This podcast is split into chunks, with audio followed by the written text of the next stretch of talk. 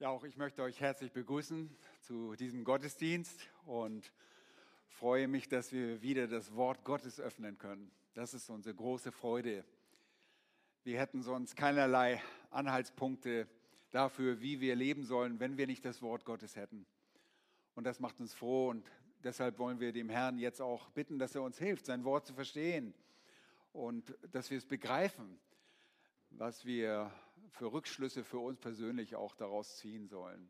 Lass uns beten. Herr, wir bitten dich, rede du durch dein wunderbares Wort. Dein Wort ist perfekt, es ist mächtig, es ist einfach unsere Richtschnur geworden, weil du unser Herr bist. Du hast uns gezeigt den Weg, den wir gehen sollen. Und wir möchten uns daran orientieren, was du sagst. Hilf uns, dass wir unsere vorgefassten und vor allen Dingen, wenn es verkehrte Auffassungen sind, hilf uns, dass wir uns korrigieren, dass wir falsche Dinge ablegen und das annehmen, was du sagst. Mögest du jetzt mächtig wirken unter uns um deines Namens willen. Amen.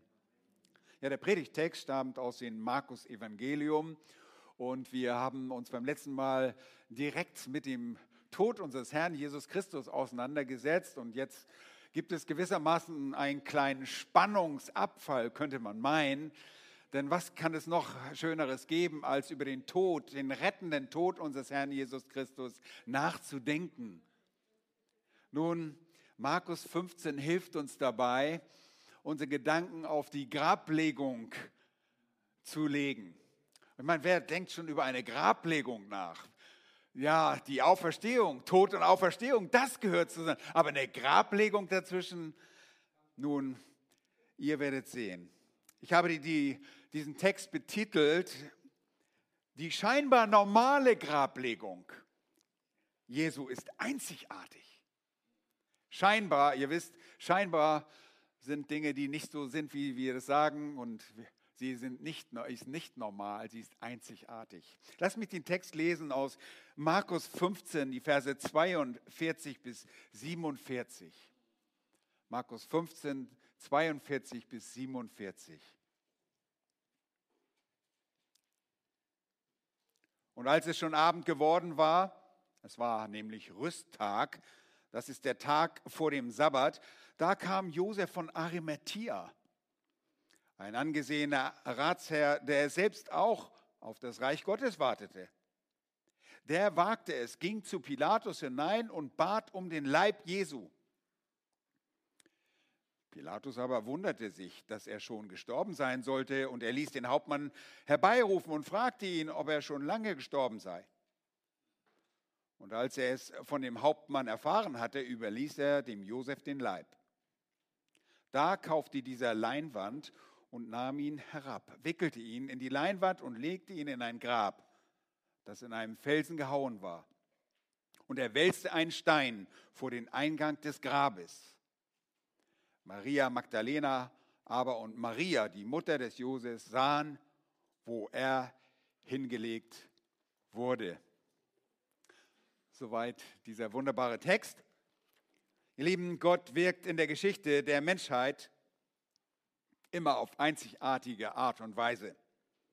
Und er tat es bisher zum einen durch eine übernatürliche Wunder, die für Gott wirklich kein Problem darstellen. Gott kann übernatürliche Wunder vollbringen und das ist für ihn überhaupt kein Problem. Überhaupt in seiner Kraft ist er dazu in der Lage, alles zu tun, was ihm gefällt. Ob wir das für möglich halten oder nicht, er kann es. Aber Wunder sind im Verlauf der Geschichte etwas äußerst Seltenes und stehen für Gott eher im Hintergrund. In der Geschichte der Bibel, selbst wenn wir in die Bibel hineinschauen, sehen wir, dass Wunder stehen nicht in der täglichen Tagesordnung. Das ist ein Irrtum. Gott handelt vielmehr und beständig durch das noch größere und noch herrlichere Vorgehen der Vorsehung, bei der er seine ganze Schöpfung erhält, mit ihr zusammenwirkt und diese lenkt und sie regiert. Das ist ein viel größeres Wunder. Und er tut es so, dass beim Zusammenwirken aller Dinge, die geschehen, sein perfekter Ratschluss zustande kommt. Und er besitzt immer die Kontrolle und selbst Dinge, die so aussehen, als wären sie ein Hindernis oder nicht förderlich, ja sogar Böses, sind dem souveränen Walten Gottes in perfekter Weise unterworfen. Wir haben uns an den Mittwochabenden für ein paar Wochen mit diesem Thema beschäftigt, mit der Vorsehung Gottes und müssen darüber staunen, dass Gott alle Dinge in einem perfekten Sinne tut und erhält. Er ist immer derjenige, der die Ehre erhält und durch Umstände wirkt, die scheinbar nichts mit ihm zu tun haben. Die Menschen gucken die Geschichte an und denken, das läuft einfach nur so ab. Wisst ihr was? Gott ist aktiv daran beteiligt. Er ist der aktive Geschichtenmacher. Und in diese Dinge reiht sich auch und vor allem der Tod Jesu ein. Während die Welt an ein scheinbar tragisches Schicksal eines religiösen Juden glaubt, der für seine Ideale auf hässliche Art und Weise sterben muss. Oh, der Arme. Und irgendwie weltweit einen Einfluss auf Menschen leichtgläubiger, Menschen leichtgläubiger Natur genommen hat, so ist der Tod in Wahrheit ein herrliches und vor ewigen Zeiten beschlossenes Heilshandeln des Erlösers. Ihr Lieben, alle Ereignisse der Welt führten gezielt zu diesem alles entscheidenden Werk Gottes am Kreuz. Ohne das Kreuz gibt es kein Leben, sondern nur den ewigen Tod, die ewige Trennung von Gott. Aber Gott wurde Mensch und starb, um durch seinen Tod die Menschen seines Wohlwollens zu retten und loszukaufen, indem er den rechtmäßigen Zorn des Vaters und damit die angemessene Strafe der Sünde, die jedem Sünder gilt, stellvertretend auf sich nahm. Der Sohn Gottes nahm diesen Zorn auf sich. Und wir haben darüber bereits gesprochen und wir hören nicht auf, darüber zu reden, denn das ist das Evangelium von Jesus Christus. Und wie können wir davon aufhören, aufhören davon zu reden? Und der Tod und die darauf folgende Auferstehung des Herrn bringt die Rettung für die in Demut bußfertigen Sünder aller Zeiten. Gottes Regie ist bei allem nicht wegzudenken. Wie es in seinem Tod war, so jetzt auch in der darauf folgenden Grablegung. Wir denken, das ist ja nur so ein kleines Beiprodukt. Begräbnisse sind reguläre Prozesse, für Verstorbene in fast allen Kulturen dieser Welt. Und so erweckt diese Grablegung in der Bibel in Hinsicht auf Jesu Leichnam bei einem nicht so genauen Hinsehen den Eindruck der Routine. Alles sieht irgendwie total gewöhnlich aus. Es gibt einen Toten, der durch eine Hinrichtung starb und dieser wird nun einfach von dem Instrument seiner Hinrichtung abgenommen und von den staatlichen Autoritäten für ein zügiges Begräbnis an eine weitere Person übergeben. Nichts Ungewöhnliches, oder? Das ist in der Tat nicht außergewöhnlich, scheinbar einfach nur normal. Aber, ihr Lieben, der Schein trügt. Und deshalb der Titel meiner Botschaft heute Nachmittag, die scheinbar normale Grablegung Jesu ist einzigartig. Einzigartig. Und die berechtigte Frage, die sich daraus ergibt, lautet, worin ist die Grablegung denn so einzigartig?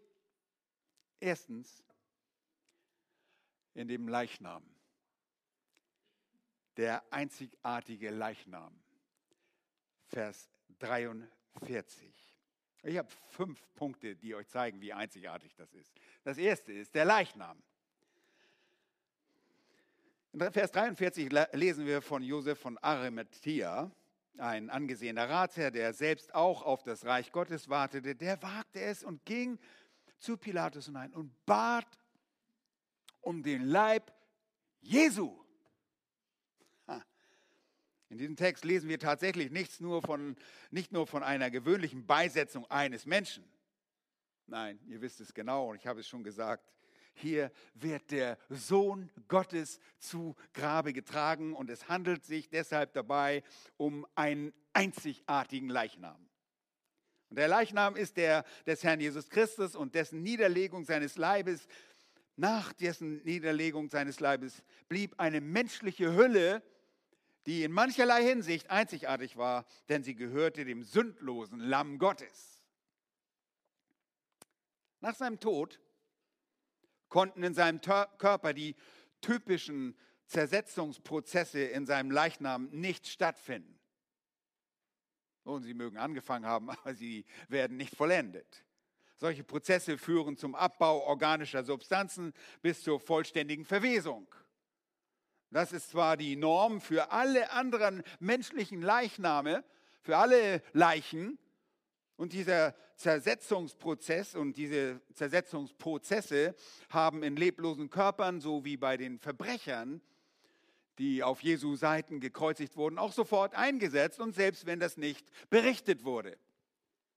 Diese Prozesse der Zersetzung geschehen natürlicherweise durch körpereigene Mikroorganismen sowie durch Bakterien und Pilze. Und sie geschehen, weil die Stoffwechselfunktion im Körper mit dem Tod augenblicklich aussetzen. Das Ganze nennen wir die Verwesung des Körpers. Aber die gab es bei Jesus nicht. Seht ihr, ist das außergewöhnlich? Das ist einzigartig. Und das wusste bereits König David. König David wusste das. Das hat König David damit zu tun.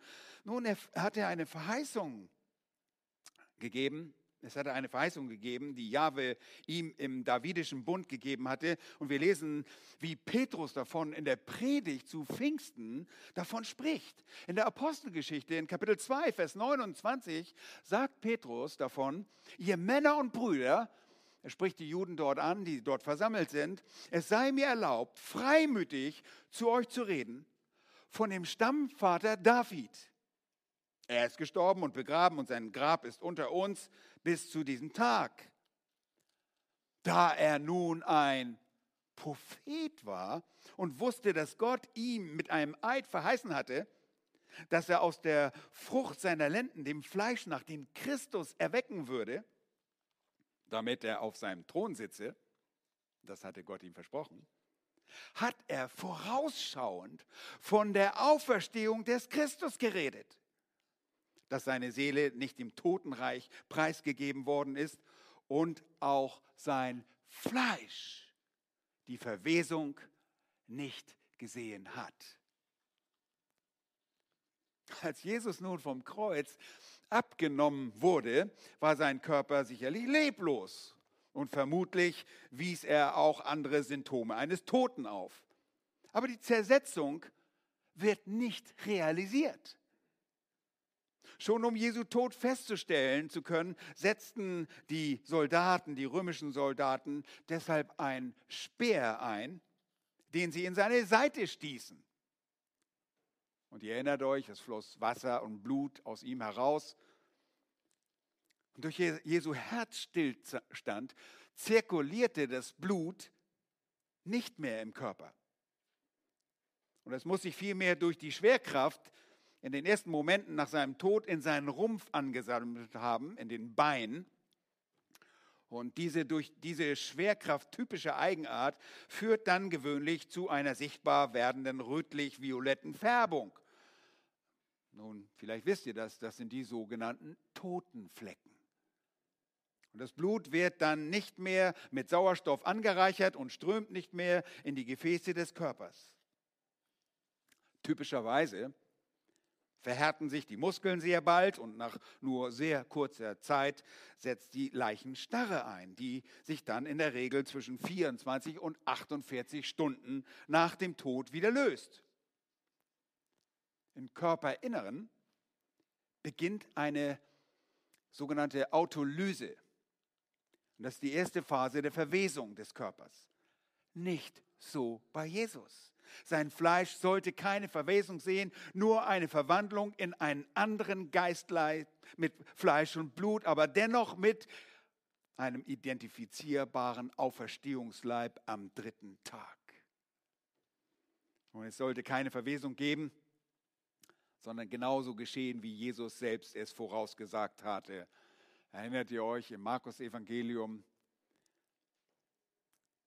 sagte er das voraus, aber davor schon, früh in seinem Dienst, sprach er fast ein bisschen kryptisch davon, dass er wieder auferstehen würde. In Johannes Kapitel 2 und Vers 19 sprach er davon und sagte, brecht diesen Tempel ab und in drei Tagen will ich ihn wieder aufrichten. Und dort bestätigt Johannes in der Kraft des Geistes, dass Jesus von dem Tempel seines Leibes redete. Er sollte nach drei Tagen auferstehen. Nun, es gab aber nicht nur einen einzigen Leichnam bei einer einzigartigen Grablegung, sondern zweitens gibt es noch einen einzigartigen Bestatter. Einen einzigartigen Bestatter.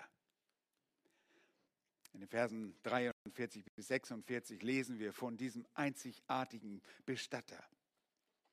Da kam Josef von Arimathea ein angesehener Ratsherr, der selbst auch auf das Reich Gottes wartete, der wagte es, ging zu Petrus, äh, Pilatus hinein, nicht zu Petrus, und bat um den Leib Jesu.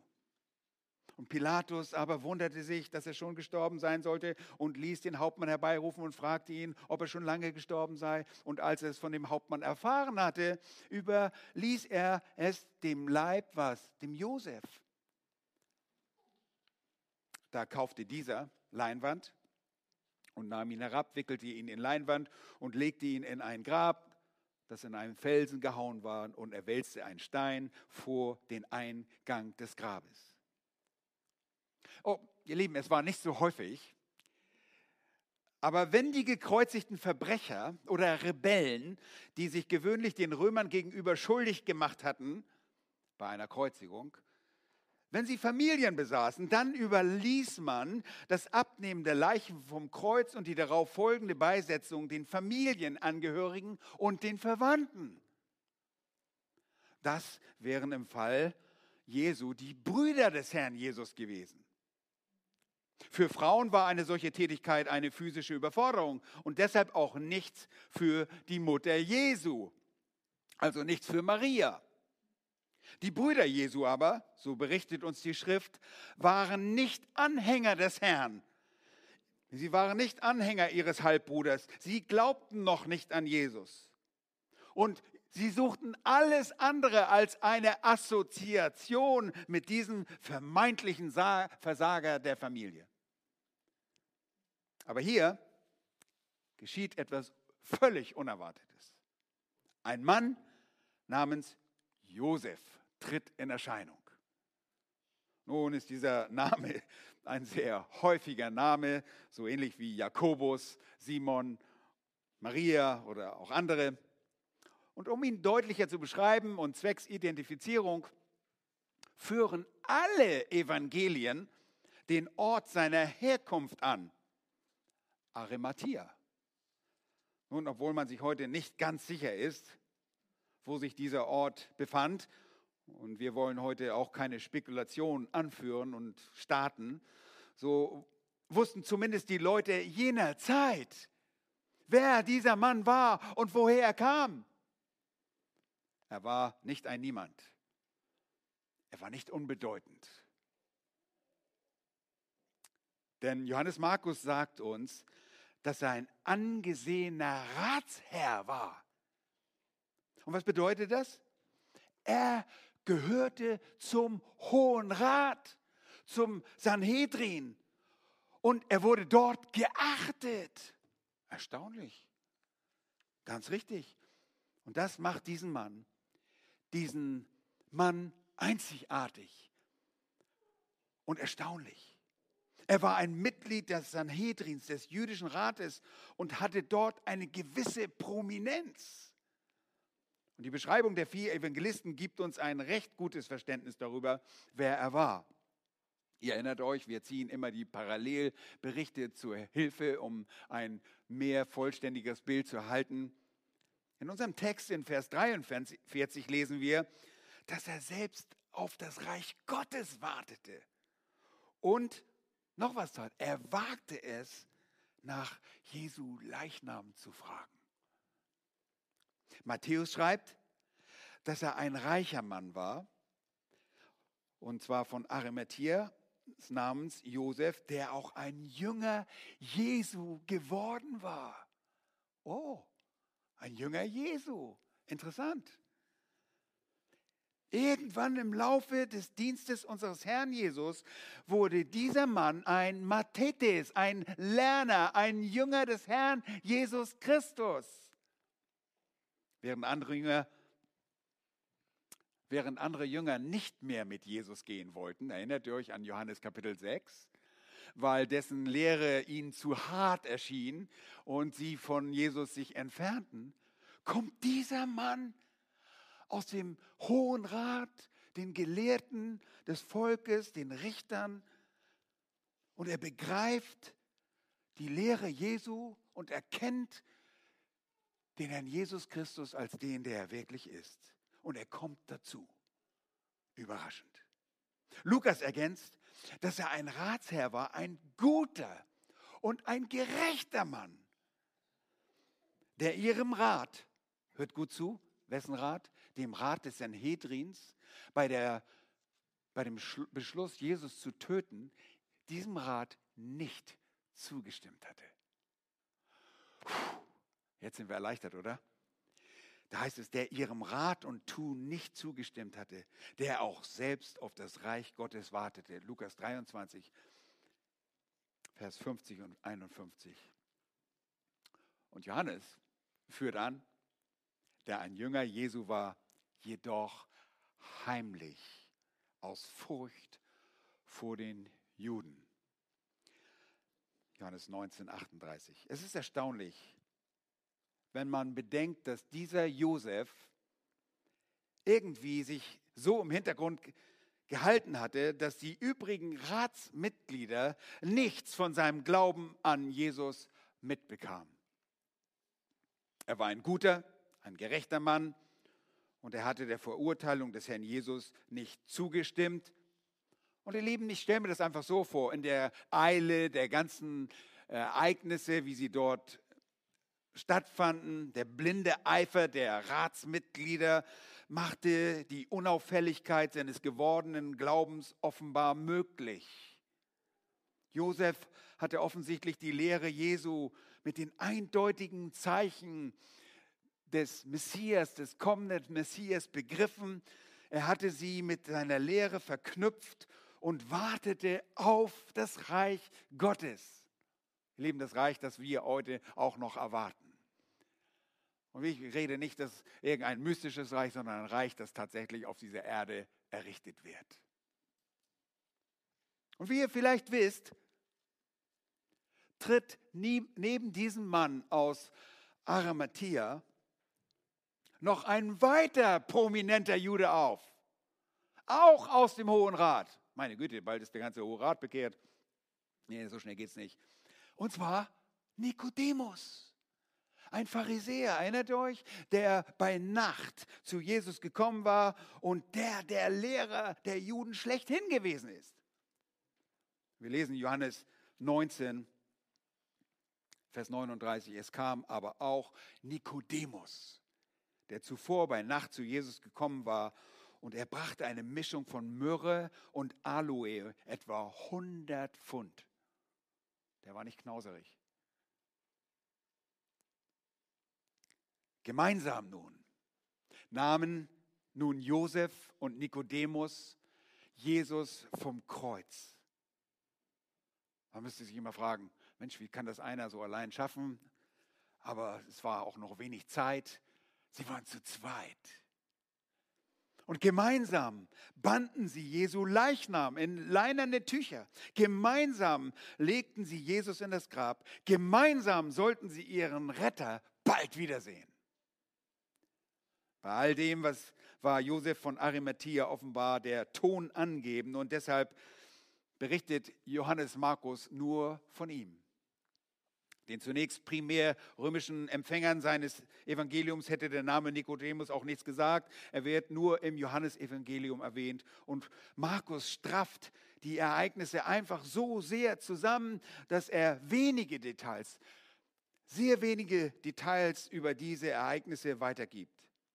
Tatsache ist und bleibt jedoch, dass Josef die Dinge bezüglich der Grablegung nicht alleine ausrichtete.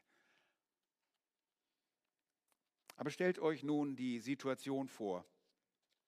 Nur wenige Stunden zuvor hatte das oberste jüdische Gericht Jesus zum Tode verurteilt.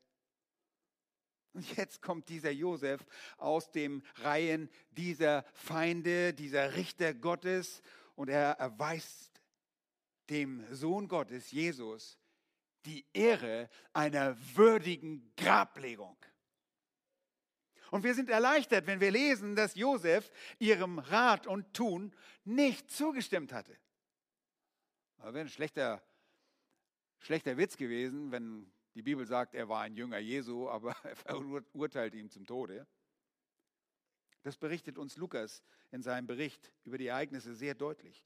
Und er selbst wartete nochmals auf das Reich Gottes und beerdigt nun den scheinbaren Verlierer, der sich aber tatsächlich als der König der Könige des kommenden Reiches erweisen wird. Lieben, welch außergewöhnliche Umstände, welch ein einzigartiger Leichnam und welch Einzigartigkeit auch in Hinsicht auf Jesu Bestatter. Hättet ihr das erwartet?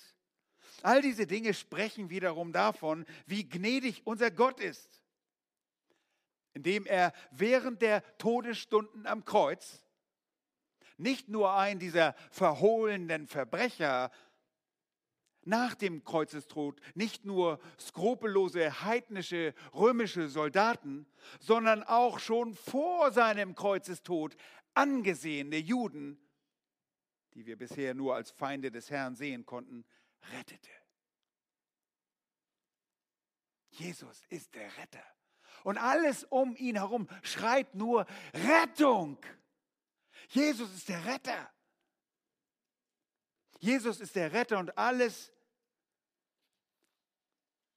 was er tut, ist auch heute noch Rettung. Er ist so gnädig, dass er sogar noch heute dir zuruft, lass dich versöhnen mit Gott. Seine Gnade hat für die auf der Erde lebenden Sünder noch kein Ende. Es ist jetzt die Zeit, sich an Jesus zu wenden. Und wenn du das nie getan hast, dann ist heute der Tag deines Heils. Dann geh heute zu Jesus und kniee demütig vor ihm nieder. Bekenne deine Schuld und folge ihm nach. Er wird dich nicht hinausstoßen. So gnädig ist Gott. Aber ihr Lieben, die Einzigartigkeit dieser Grablegung wird auch in Hinsicht auf die zeitlichen Abläufe sichtbar. Ein einzigartiger Leichnam, ein einzigartiger Bestatter und jetzt drittens die einzigartige Zeitfolge. Vers 42 und 44, ich lese nochmals. Und als es schon Abend geworden war, Klammern steht dort, es war nämlich Rüsttag, das ist der Tag vor dem Sabbat für nicht kundige Juden. Ähm, und die Heiden war das sehr wichtig, das zu erfahren. Vers 44, Pilatus aber wunderte sich, dass er schon gestorben sein sollte. Und er ließ den Hauptmann herbeirufen und fragte ihn, ob er schon lange gestorben sei. Ihr wisst, ihr Lieben, Jesus hatte nicht nur den allgemeinen Zeitpunkt des Passafestes für seinen Tod selbst erwählt, das hatte er, sondern auch das absolute genaue Timing, die präzise Zeit an diesem Tag im Frühjahr 30 nach Christus. Ihr erinnert euch, dass Jesus zur dritten Stunde um 9 Uhr morgens bereits ans Kreuz genagelt wurde.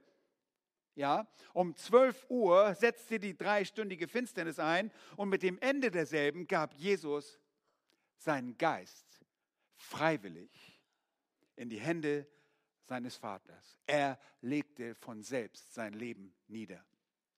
Er legt sein physisches Leben nieder, perfekt getimt. Und das war gegen 15 Uhr, als die Opferung der Passalämmer im Tempel begann.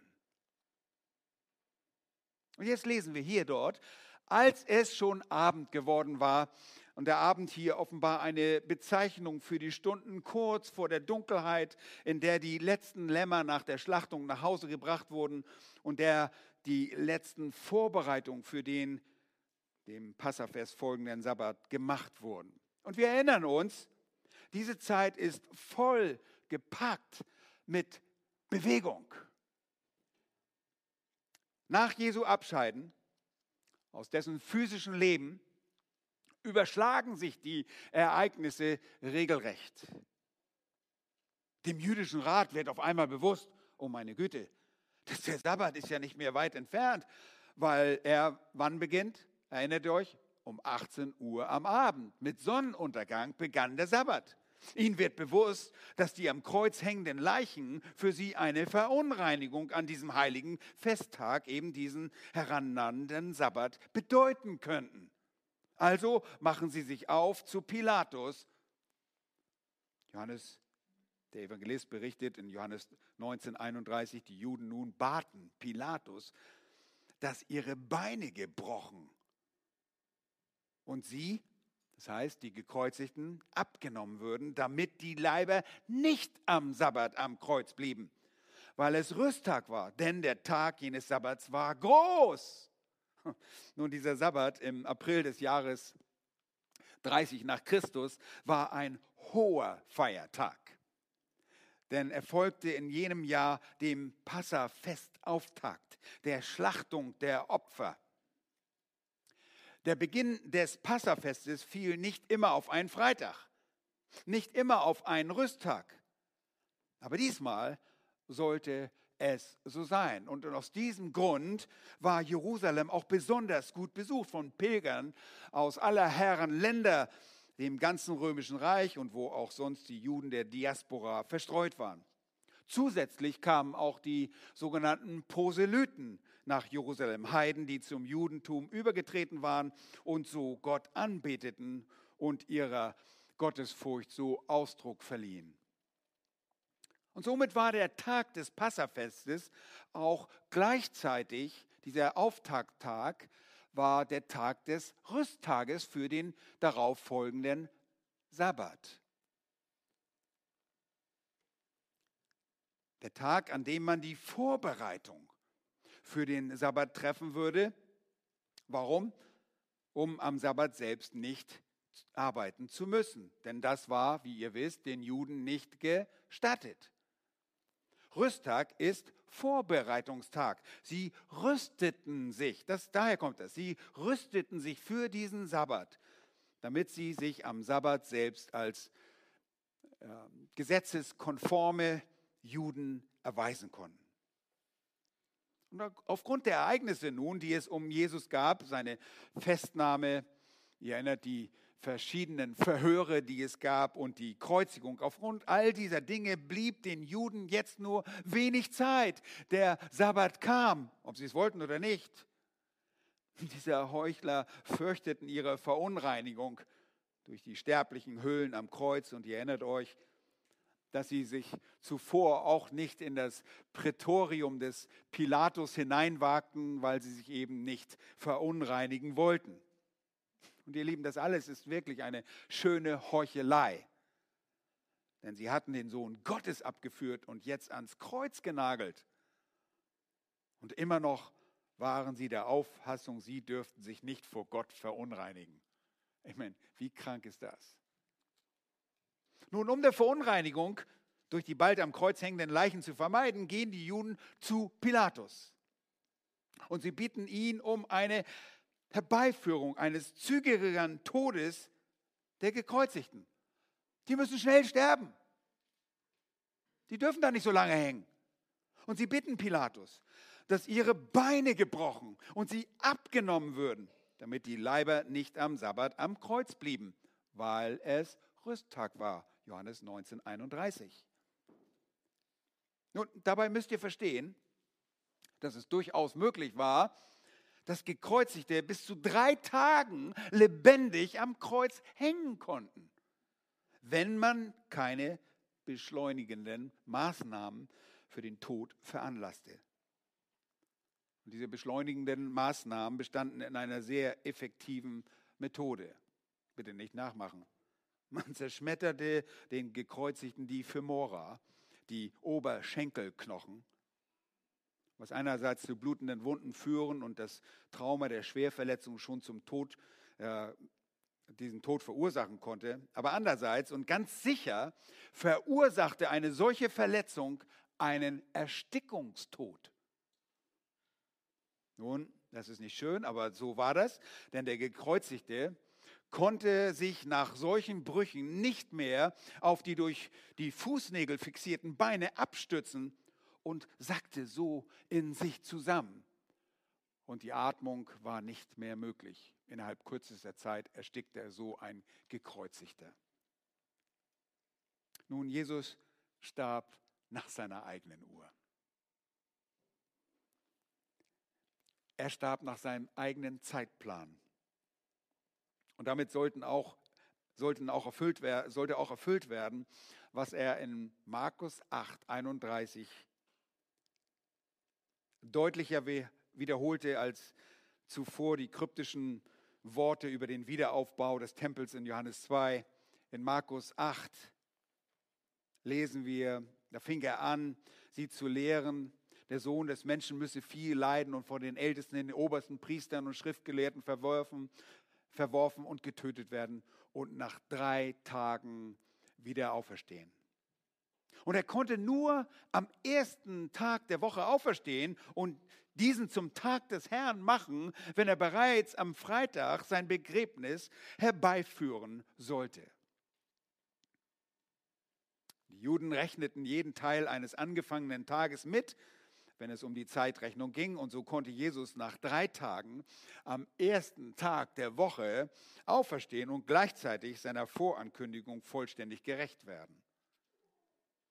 Die einzigartige Zeitfolge lässt uns nur anbeten und staunen. Jesus legte sein Leben in der neuen Stunde um 15 Uhr, gegen 15 Uhr, gegen diesen Nachmittagsstunde freiwillig nieder. Er starb nicht, weil er gekreuzigt wurde, er starb nicht aufgrund von Blutverlust, sondern weil er sein Leben in die Hände seines Vaters übergab und sein Leben freiwillig ablegte. Die einzigartige Zeitfolge ist ein Grund zur Anbetung. Aber damit noch nicht genug. Nebst einem einzigartigen Gleichnam, einem einzigartigen Bestatter und einer einzigartigen Zeitfolge gab es eine einzigartige Erfüllung. Eine einzigartige Erfüllung, viertens, in den Versen 43 bis 46. Und um ein bisschen die Zeit abzukürzen, lese ich den Text nicht nochmal vor, aber wenn wir an die Grablegung Jesu denken, dann haben wir in der Zeitfolge schon gesehen, dass Jesus verhieß und präzise erfüllte, wann er starb und wann er begraben wurde. Und dazu musste er, wie schon erwähnt, zeitig sterben. Und eben genau das tat er, in der sein Leben, indem er sein Leben willig dem Vater übergab.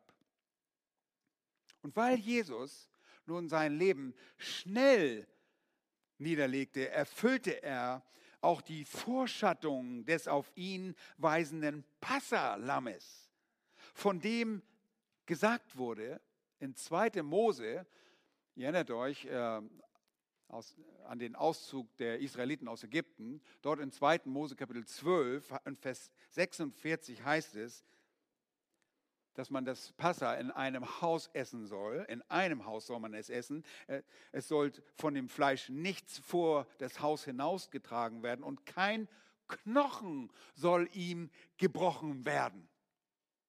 Interessant, oder? Paulus schreibt im 1. Korintherbrief, Kapitel 5 und Vers 7 von Christus und sagt, unser Passalam ist ja für uns geschlachtet worden. Doppelpunkt Christus. Dem Herrn Jesus Christus mussten die Beine nicht gebrochen werden. Wie bei dem Passalam beim Auszug aus Ägypten. Und so erfüllt Jesus Auch das, was David im Psalm 34 schreibt. Psalm 34, die Verse 20 und 21 lesen wir, der Gerechte muss viel erleiden, aber aus allem rettet ihn Jahwe. Er bewahrt ihm alle seine Gebeine, dass nicht eines von ihnen zerbrochen wird.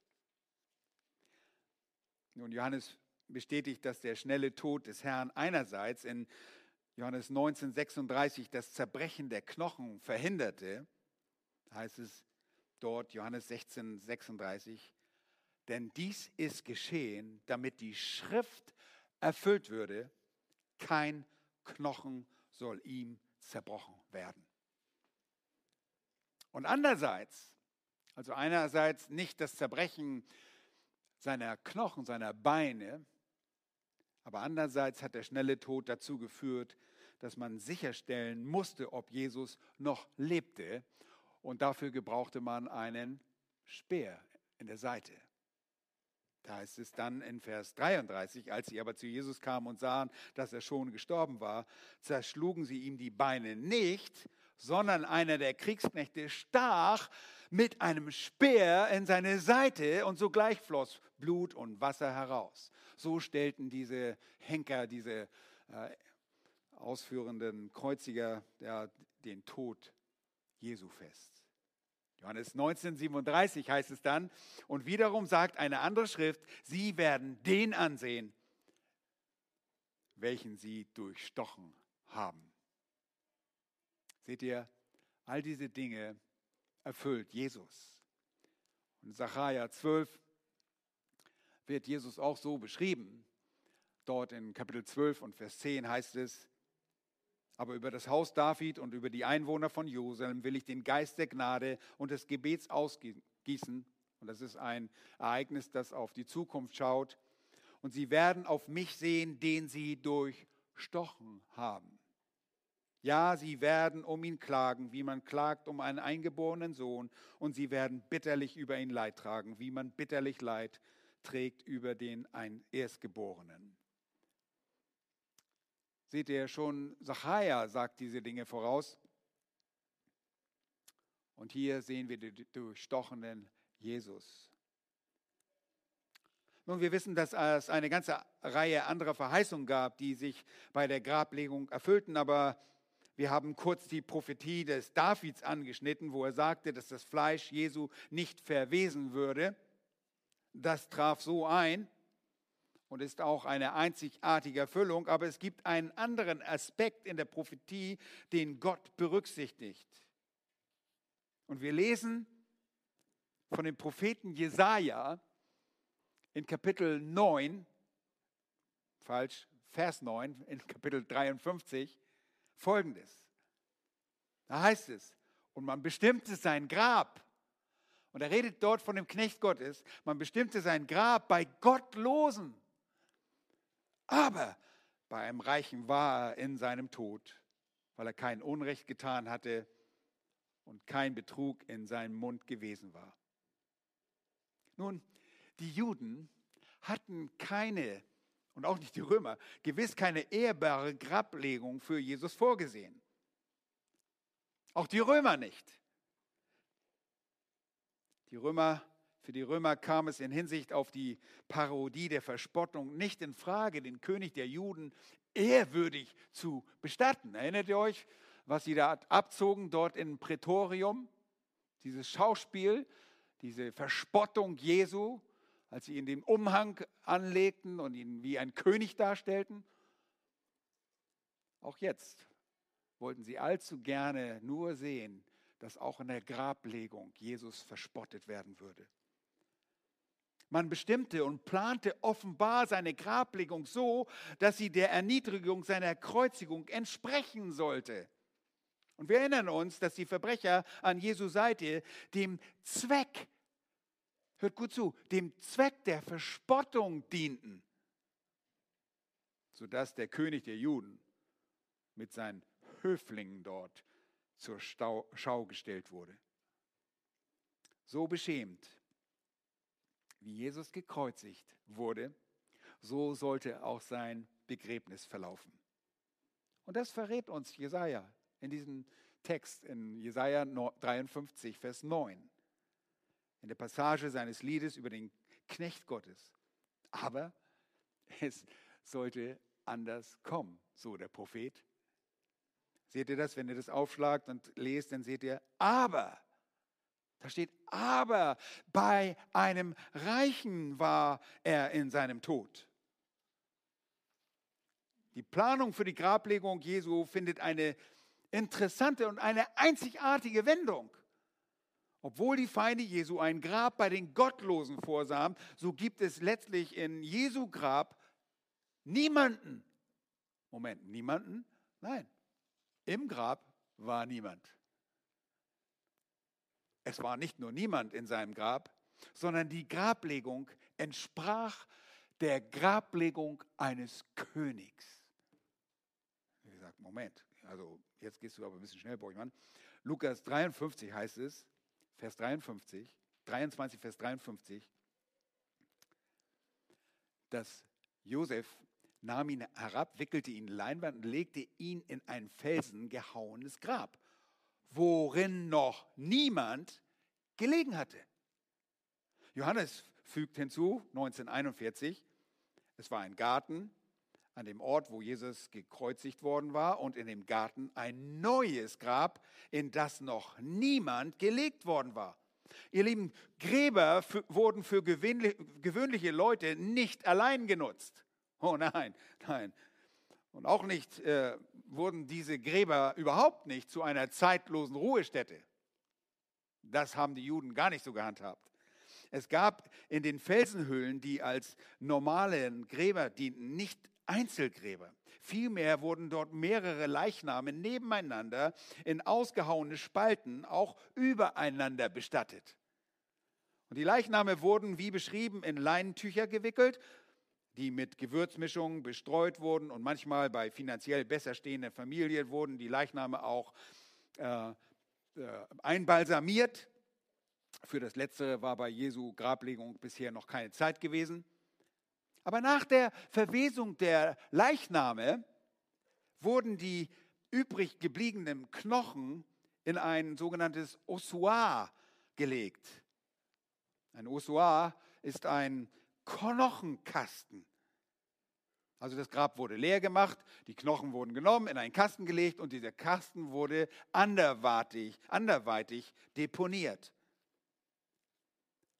Aber Jesus kam nicht in so ein Massengrab. Jesus kam in ein Grab, in dem noch niemand gelegen hatte. Und ihr Lieben, das war eines Königs würdig. Ein völlig neues Grab. Das war eines Königs würdig und für das Begräbnis, eines Königs so vorgesehen. Das konnten nur sehr vornehme Leute gemacht haben. Wir sehen also eine Wendung, die durch das Auftreten von Josef von Arimathea stattfindet, denn Matthäus berichtet, wem dieses Grab gehörte und wer es aushauen ließ. Da heißt es Matthäus 27, Verse 59 und 60. Und Josef nahm den Leib, wickelte ihn in reine Leinwand und legte ihn in sein neues Grab, das er im Felsen hatte aushauen lassen. Und er wälzte einen großen Stein vor den Eingang des Grabes und ging davon.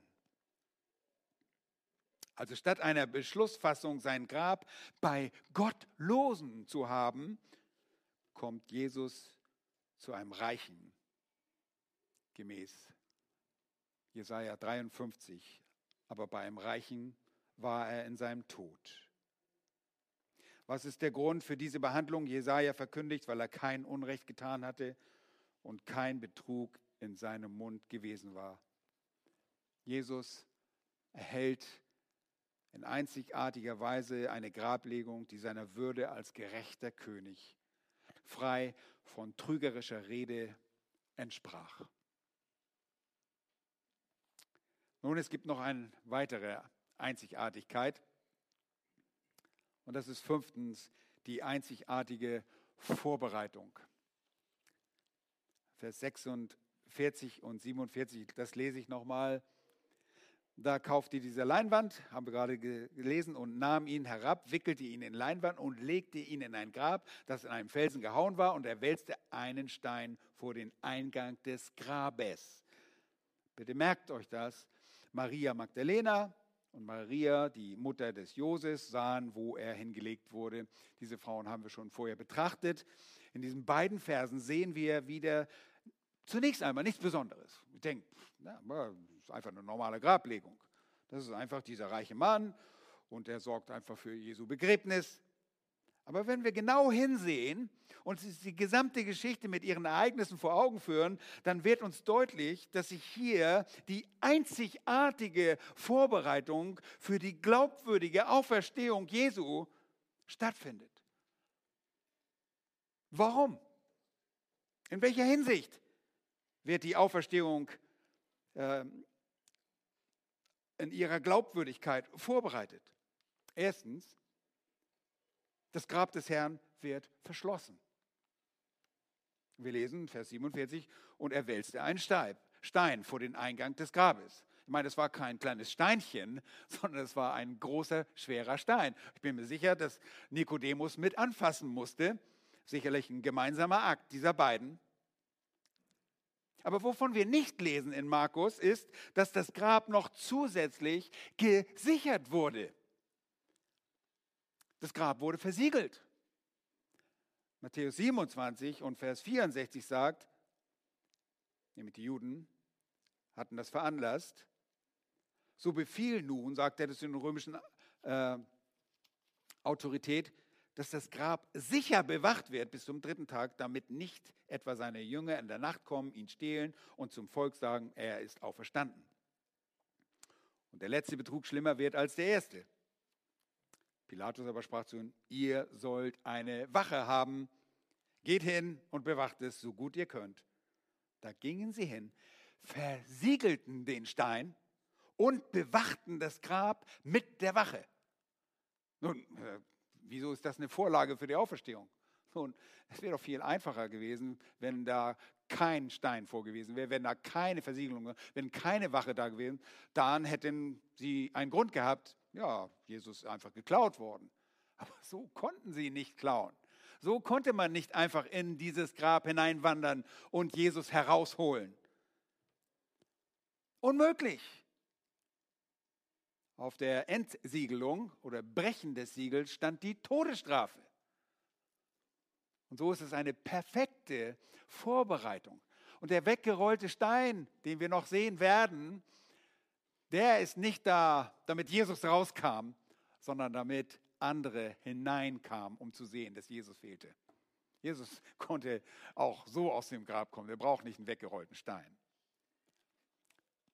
Drittens heißt es hier, die Frauen sehen den Ort der Grablegung und sind bestimmt nicht, wie die liberalen Theologen vorschlagen, einfach zu diesem falschen Grab gelaufen am nächsten Tag oder am ersten Tag der Woche. Da war niemand drin, weil sie zum falschen Grab gegangen sind. So eine törichte Auffassung von liberalen Theologen zur Lösung ihrer Probleme mit dem Übernatürlichen weil sie das nicht wahrhaben wollen. Nun, dies ist hier die perfekte Vorlage für die Auferstehung unseres Herrn Jesus Christus. Ein versiegeltes Grab, das die Frauen genau lokalisieren konnten. Und sie konnten genau zu diesem Grab am ersten Tag der Woche gehen. Nun, wir haben eine einzigartige Leiche oder einen einzigartigen Leichnam, einen einzigartigen Bestatter, eine einzigartige Zeitfolge und eine einzigartige Erfüllung von Prophetien, eine einzigartige Vorbereitung für die Auferstehung. Was ist deine Reaktion darauf? Sie muss genauso einzigartig sein. Was ist eine einzigartige eine einzigartige Reaktion auf all diese Dinge ist, dass du deine Knie vor Gott beugst. Denn was macht die Welt? Sie verspottet unseren Gott. Sie verspottet Jesus Christus. Die einzigartige Reaktion, die von dir gefordert werden, ist, tue Buße, kehre um, Reagiere auf den Kreuzestod unseres Herrn Jesus Christus, auf seine Beerdigung, seine Grablegung und Auferstehung. Und du wirst einzigartig gerettet werden. Amen. Lass uns noch beten. Herr, wir danken dir von ganzem Herzen für dieses wunderbare Ereignis der Grablegung. Wir sehen, dass du in, jedem, in jeder Hinsicht beteiligt bist an dem, was geschieht. Herr, und das gibt uns Mut, auch in unserer Zeit zu wissen, du bist immer da. Dir entgeht nichts. Du weißt alles, was vor sich geht und du bist nicht ein Gott, der sich passiv zurücklehnt und zusieht, sondern du bist der Handelnde. Wir vertrauen dir. Wir vertrauen dir, dass du alles wohl magst. Vor allen Dingen bitten wir dich von ganzem Herzen, schenk du Buße im Herzen von Menschen, die dich nicht kennen. Erbarme dich, dass dein Name anerkannt wird, dass dein Name verkündigt wird. Du bist der Retter. Herr, wir bitten dich, dass du uns die Gnade schenkst, dich zu verkündigen als den Gestorbenen, Begrabenen und Auferstandenen. Du bist derjenige, der auch zum Vater zurückgekehrt bist, von woher wir dich auch erwarten. Du wirst kommen, wie du es verheißen hast. Wir danken dir von ganzem Herzen dafür, in Jesu Namen. Amen.